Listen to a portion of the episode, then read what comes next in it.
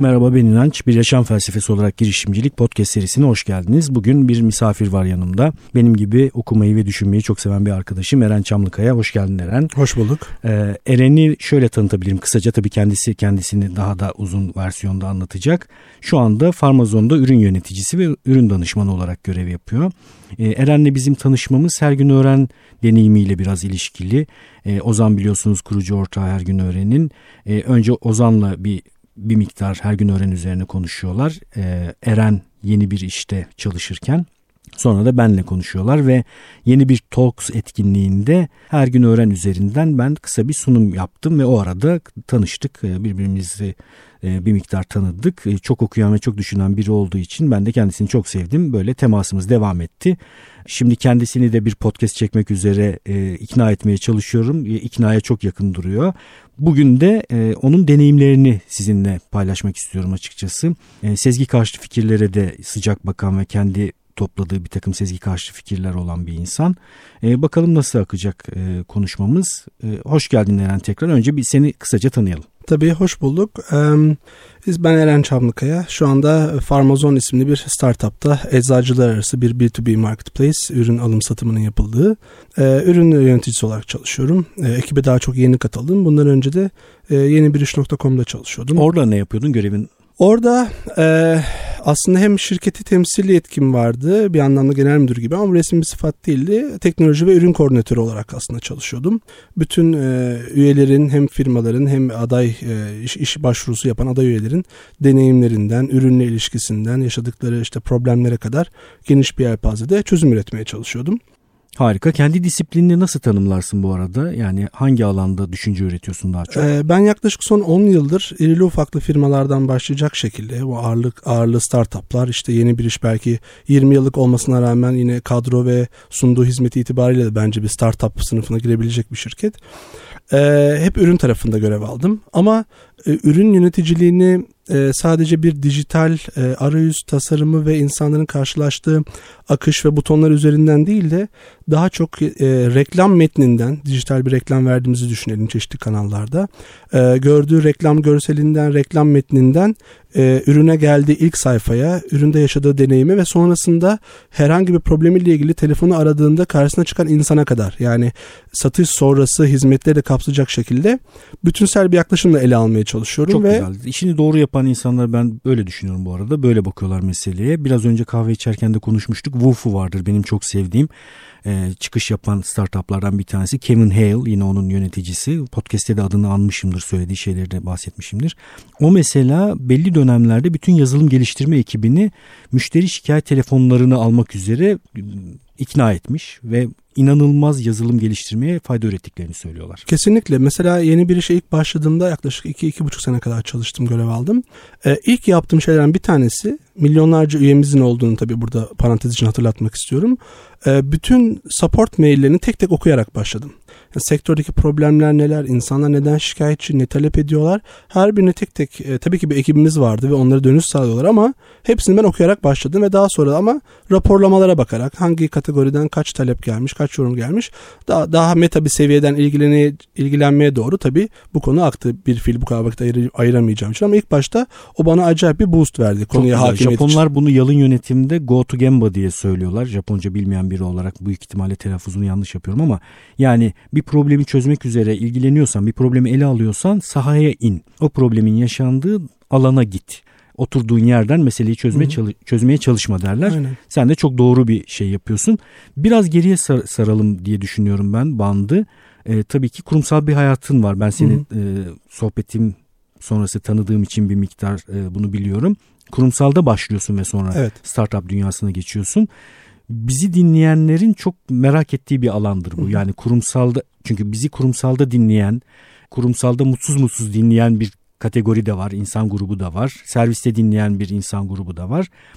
Nasıl oldu? Kurumsal e, hayattan diğer hayata geçiş o ee, çok kolay olmadı. Böyle bir gün kafam esip de tak diye istifa etmedim. Ee, ama şöyle özetleyeyim. Bir ilaç firmasında iş hayatına başladım yüksek lisansımdan sonra. Ee, çok kurumsal, çok büyük bir firma. Ee, çok da hani çalışanların mutlulukla çalıştığı, çok iyi olanakları olan, çok iyi şartları olan bir firma. Ama e, oradaki yaklaşık iki sene çalıştım orada da. Bütün deneyimim boyunca inanılmaz yoğun bir tempoda yaptığımızı niye yaptığımızı düşünmeye dahi vakit bulamadığımız bir hayatı koştururken. Oo, çok büyük lüksler arıyorsun yalnız kurumsal desen. Yaptığını evet. niye yaptığını bilmek falan gibi. Evet, evet. ve e, birçok e, iyileştirme ve insanların deneyimini arttırıcı, iyi deneyim yaşamalarını sağlayacak önerilerin de dinlenmediği bir ortamda ve bu iş, biz bu işleri yıllardır zaten çok iyi yapıyoruz diye feedbackler aldım aldıktan sonra Valla ofiste ben açıkçası çatıda ağladığımı bile biliyorum sinirden yani. Oo, Onda çok da kişisel bir e, anımı anlatayım bu şekilde. Sonrasında açıkçası ayrılma kararı Sen aldım. Sen tabii bu arada yine bu 360 derece bakışı orada da sürdürüyor. Tabii o mi? içgüdüsel gelen bir şey bende. Meraklı bir insanım. Okuyorum, takip ediyorum, anlamaya çalışıyorum ve dediğim gibi iki sene sonra gerçekten çok mutsuz olarak yani hast, cilt hastalığı seviyesinde mutsuz olarak diyeyim. Dedim ki burası benim için doğru bir yer değil. Başka bir şey yapmam lazım ve e, o dönem İTÜ'den e, üniversite yıllarımdan hocamın kurduğu bir şirkette e, startupta çalışmaya başladım ve startupla tanışmış oldum. Yıl 2010. Oo, ee, çok erken hem de. Aynen çok erken ve çok büyük bir dönüm noktası benim için ve o yıllardan sonra da hep startuplarda geçti hayatım. Ürün odaklı çalıştım ve e, bunun çok iyi bir karar olduğunu düşünüyorum ama tabii bu kolay bir karar değildi çünkü çok daha düşük bir maaşla çalışmaya başladım.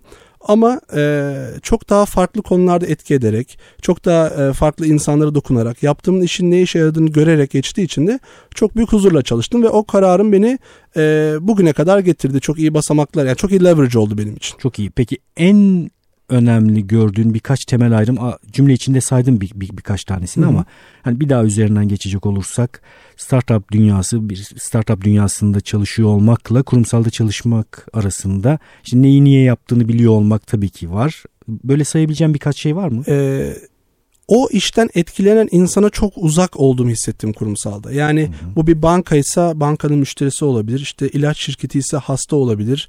E, lojistik firmasıysa e, o malı taşıyan e, hammal olabilir. Depo görevlisi olabilir. Onlardan çok uzak olduğunuz zaman yaptığınız iş gerçekten anlamsızlaşıyor. Yabancılaşıyorsunuz o işe. E, ama startupta böyle değil. Zaten fark yaratarak işinizi çok iyi yapmak zorunda olduğunuz için o insanlara da çok yakın olmak zorundasınız. Bir örnek vereceğim Tabii. bu yakın olmakla ilgili. Ben Webnak'tayken yeni bir işten önce Hasan Aslanobal'ın kendi girişimi e, bir e, marketplace'te o da kamyon şoförleri için bir Uber gibi düşünebiliriz. Mal taşıtmak isteyen insanlar vardı vesaire. Orada kamyon garajlarına da gittim. Şoförlerle sohbet ettim. Çeşitli aktivitelerde bulundum. Bir araya geldim ve onların hayatlarını anlamaya çalıştım. E, anca öyle zaten o insanların hayatlarına bir değer yaratmak için gerekli zemini hazırlamış oldum. Bir de tabii çok ciddi bir problem çözme alanı. Sürekli merak eden birisi için bulunmaz nimet yani. Kesinlikle. Kurumsal problem çözme. Kurumsal firmalarda da o tarz bir e, imkanınız olmuyor o ofislerin, plazaların içerisinde. E, gidiyorsunuz, geliyorsunuz, birbirinizi alkışlıyorsunuz. İşte dönem toplantıları, sene sonu, prim performans derken yıllar geçiyor. Tabii çok büyük yer çekimleri var kurumsal firmaların. Ben öyle özetliyorum. O yer, yer çekiminden, çekiminden ne kastediyorsun? Güzel yani, bir kavram. E, ayrılış e, yani kendinizi çok itmeniz lazım çıkmak için. Ha, kopuş kopuş şey. hızınız çok önemli orada. Evet evet. Buna ne deniyor? Escape velocity deniyor aynen, değil mi? Aynen. Yani bir onu ben daha önce konuşmuştum. Bir, bir Elon tane, Musk. Aynen. Bir tane podcast'ta vardı geçmişti sohbeti. Evet. O kadar güçlü yer çekimleri var ki çok iyi şartlar, çok iyi ofisler, etrafınızda çok iyi insanlar, e, şık erkekler, güzel bayanlar. E, böyle olunca kopmak istemiyorsunuz o dünyadan baktığınızda. Yüksek yer çekimi var. Çok çok yüksek. O yüzden çok kararlı olmanız lazım. Çok büyük mutsuzluk yaşamanız lazım. Halbuki buna ihtiyaç olmaması lazım aslında. Çünkü günün sonunda senin daha ilk podcast'te verdiğin örnek o emekli kuyruğunda fatura öderken bulacaksınız kendinizi. E, maaş almış olacaksınız hayatınız boyunca. Ölçeklenebilir bir geliriniz olmayacak ve e, mutsuz olarak muhtemelen öleceksiniz. Eren bu arada podcast'i böyle gün, günde kaç bölüm dinleyerek? 6 bölüm. 6 bölüm dinleyerek Aynen. bitirmiş birisi. Bana onun için sıcağı sıcağına bir sürü geri bildirim de verdi. Çok teşekkür ediyorum bu nedenle. E, podcast'i dinlerken de bana WhatsApp'tan mesaj gönderiyordu zaman zaman şu nokta çok güzel şunu çok beğendim diye. E, benzer kitaplar okuduğumuz için bu kitapları okuyan biriyle tekrar sohbet etmek isterim. Çok güzel bir fırsat oldu benim için demiştim. Benim için de aynı şekilde. Daha önce de e, sizinle podcast konuklarında tanıştırdığım insanlar oldu böyle. E, aranızda yine bu kadar çok okuyan, çok merak eden insanlar varsa hemen buluşalım, kahve içelim podcast kaydı yapalım bu arada. E, Eren'e şimdi şunu soracağım ben startup dünyasına geçtikten sonra da orada çok homojen bir dünya olmadığını da görüyoruz tabii değil mi? Yani sürekli hani bir yerde durup 2-3 senede startup dünyasını çözdüm mü artık bu alanı biliyorum demen mümkün değil. Sen de şu anda hala öğrenmeye devam Kesinlikle. ediyorsun. Kesinlikle. Yeni problemlerin nedir mesela şu anda neleri öğrenmeye çalışıyorsun? Ee, hem biraz denk geldi hem de son yıllarda da bilinçli bir şekilde bu şekilde tasarlamaya çalıştım kendi hayatımı, kariyerimi. Ee, ben hep pazar yerlerinde bulundum. Ee, hem B2C hem B2B ve iki tarafın buluştu, iki tarafın bir araya gelmeye çalıştı ve bir etkileşimde bulundu. Yerler pazar yerleri. Çok ve... iyi. Ba- bana birkaç tane iyi pazar yeri örneği verebilir misin? Türkiye'de var mı? İyi örnek. Oh, çok zor bir soru sordun. Ezbere cevap verebilir miyim bilmiyorum. Örnek olarak beğendiğim ve yani içini çok bilmesem de modelini beğendiğim örnek verebilirim. Mutlu bir ev mesela. Mutlu bir ev. Nedir evet, model? mutlu bir, bir ev. E, sizin evinizi işte temizletmek ihtiyacınız olduğunda bir temizlikçi bulduğunuz, temizlikçi hizmetini size sağlayan aslında o kelime önemli. Sizin bulduğunuz değil, siz talep ettiğinizde o hizmeti size veren bir firma. Ama arka tarafta aslında kendi istihdam ettikleri insanlar değil, beraber çalıştıkları bir community var. Bu community üzerinden insanları tanıyarak, onlarla ilişki kurarak doğru müşterilere adreslemeye çalışıyorlar. Çok güzel. Burada bir içgörün vardı. Evet. Aslında onu o içgörü nedeniyle bunu seviyorsun. Onu Aynen. biraz konuşmuştuk. Tabii. İçgörün şuydu hatırladığım kadarıyla. Yine kullanıcı deneyiminden yola çıkıyorsun evet. tabii. Ben e, isim vermeyelim işte X pazar yerinde olduğu gibi hizmet alacağım işin tarifini yapıp sonra da insanların bana e, teklif göndermesi gibi bir modelle uğraşmak istemiyorum. Çok basit bir şey istiyorum çünkü evimi temizletmek istiyorum. Bunun yerine kendi hizmetini bana sunan ve güven ilişkisini kendi üzerinden kurduğum bir model Aynen. daha iyi olabilir demiş. Şöyle örnek verebilirim aslında çok rahat. Biz Webnak'ta bunu birebir yaşadık. Ee, ilk başta Webnak sadece bir platform olarak hizmet vermeye başlamıştı. Yani e, sadece bizim mal taşıtmak isteyen firmalarımız vardı müşterilerimiz ve mal taşıyan da kamyoncu üyelerimiz vardı ve Webnak sadece şunu diyordu. E, siz ev firmalar gelin ihtiyaçlarınızı yazın bu ihtiyaçları karşılayacak kamyoncular da sizlere fiyat verecek. Siz işte kamyoncuya bakın profiline, fiyatlarını karşılaştırın, karar verin ve taşıdın. Ve bu model işlemedi. Tabii. Ee, iş çünkü bana iş yüklemiş. Aynen. Olursun. Özellikle kurumsal tarafta B2B işlerde firmalar hem satın alma davranışları çok farklı, beklentileri çok farklı. Doğrudan hizmet almak istiyorlar. Yani ben e, profiline bakayım, kaç yıldız almış, yorumlarını okuyayım, e, bu kamyoncuyu seçeyim ve o iletişimi yapayım istemiyorlar.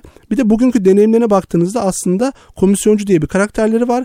Arıyorlar onları. Abi bana kamyoncu gönder diyorlar. Telefonu kapatıyorlar bitiyor. Siz bunu detaylı bir analiz yaptıkları bir platformla replace edemezsiniz. Değişik toş yapamazsınız. Doğru. Ve bunu fark ettikten sonra işler de çok hızlı büyümüyordu bu şekilde. Dedik ki biz araya girelim. Sadece biz zemin hazırlamayalım. Firmaya direkt faturayı biz keselim lojistik firması gibi. Kafası rahat olsun. Sonra da kamyonculara dönüp elimizde böyle bir iş var. Kim almak ister diye operasyonu yine teknolojiyi kullanarak bir mobil uygulama kullanarak biz yapalım. Çalıştı mı peki bu değişiklik? Çok çok iyi çalıştı ve bir anda satışlarımız artmaya başladı. Daha rahat kamyoncu bulur olduk ve iş e, çok hızlı ölçeklenmeye başladı. Ben bunu çok seviyorum biliyor musun? Şunu yine bu escape velocity'den yani kaçış hızından örnekleyelim. Belli bir yere kadar roket böyle uğraşıyor uğraşıyor uğraşıyor didiniyor bu dünyanın yer çekiminden kendini kurtarmaya çalışıyor ama kurtardıktan sonra da böyle yani Newton'un meşhur kanunlarından hiçbir sürtünme kuvveti yaşamayacağı için uzayda sonsuzca giden bir roket tasarlamak çok mümkün. Belli bir ilk hız verdikten sonra efsane bir şey.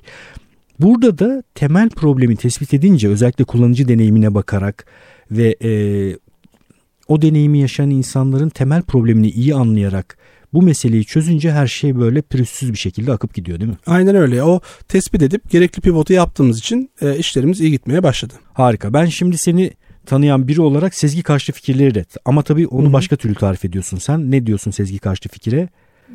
sezgi karşıtı sezgi fikir karşıtı diyorum. Evet evet. Başka yani. bir şey kullandın. Benim dikkatimi ya, in, İngilizcesini bazen kullanıyorum. Yok Türkçe başka bir şey kullandın. Bak farkında değilsin. Hatırlamıyorum. Sezgi karşıtı kullanmıyorsun. Okey.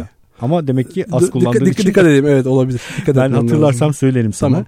Sezgi karşıtı bir takım buraya gelirken yolda Hı-hı. fikirlerden bahsettin evet. bana. Biz hepimiz çok seviyoruz. Evet. Birkaç tane böyle seni etkileyen sezgi karşı fikirden bahseder misin? Şeyden bahsedeyim. Tasarım ve deneyim konusunda e, belirli prensipler ve e, akademik olarak işte kanıtlanmış çeşitli e, kurallar var. Bunlardan bir tanesi Higgs kuralı.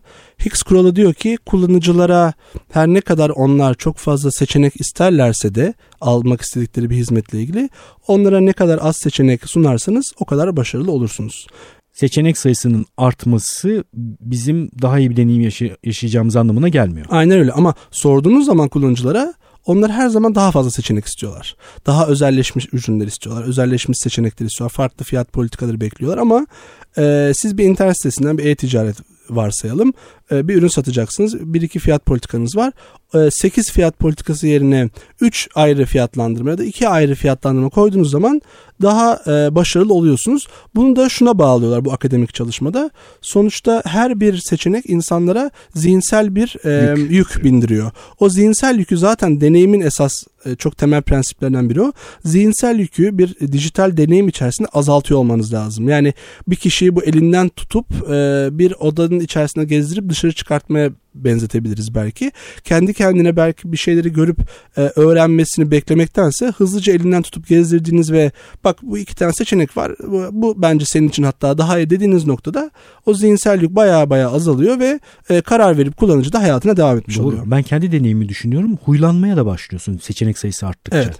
Bir de matematik yapamamaya başlıyorsun. Şimdi araba alma deneyimini düşünelim. İlk karar zaten en büyük karar araba alayım mı almayayım mı? Bu kararı verdikten sonra araba alayım mı kararını verdikten sonra artık model ve marka kararı vermek kalıyor. Onun içerisinde bir de 25 tane alt e, modele girdiğinde insanlar bunu başka bir şeye bağlayacağız tabii ki. Bilişsel disonansını ne diye çevirebiliriz? Zihinsel e, ayrışma. Zihinsel ayrışma, rahatsızlık. Rahatsızlık evet. E, böyle bir tutarsızlık durumu yaşıyorlar ve insanlar bu tutarsızlıktan bir an önce kurtulmak isterler. Yani ya kararı almak ister ya da kararsızlık da bir tür karar olduğu için orayı terk eder. Bu zihinsel rahatsızlığı şöyle bir açayım biraz tarif etmek gerekirse.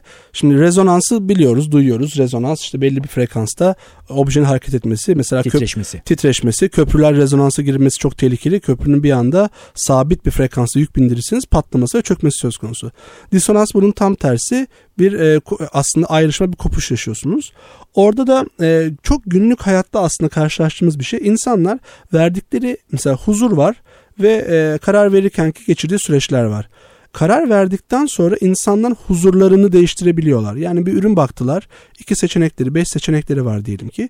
Birini seçtiler ve o seçeneğin aldıktan sonra o karar anının ertesinde en iyi seçenek olduğunu kendilerini inandırmaya başlıyorlar. Post rasyonalizasyon da deniyor. Aynen. Karar aldıktan sonra rasyonalizasyon sürecine giriyor. Aynen o dizonansı azaltmak için kullandıkları bir taktik, bilişsel bir taktik. Farkında olmadan yaptığımız bir şey.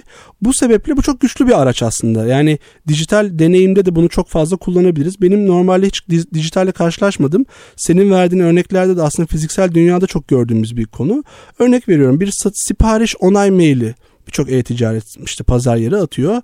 Özetle bunları bunları aldınız diyor. Halbuki orada desek ki sevgili Eren bu ürünü aldın zaten tam sana göreydi. Eminiz çok mutlu olacaksın. Şu nedenlerle çok doğru bir karar verdin. Evet çok mutlu olacağına da eminiz dediği noktada benim kafamda zaten az kalan soru işareti bir anda yok oluyor.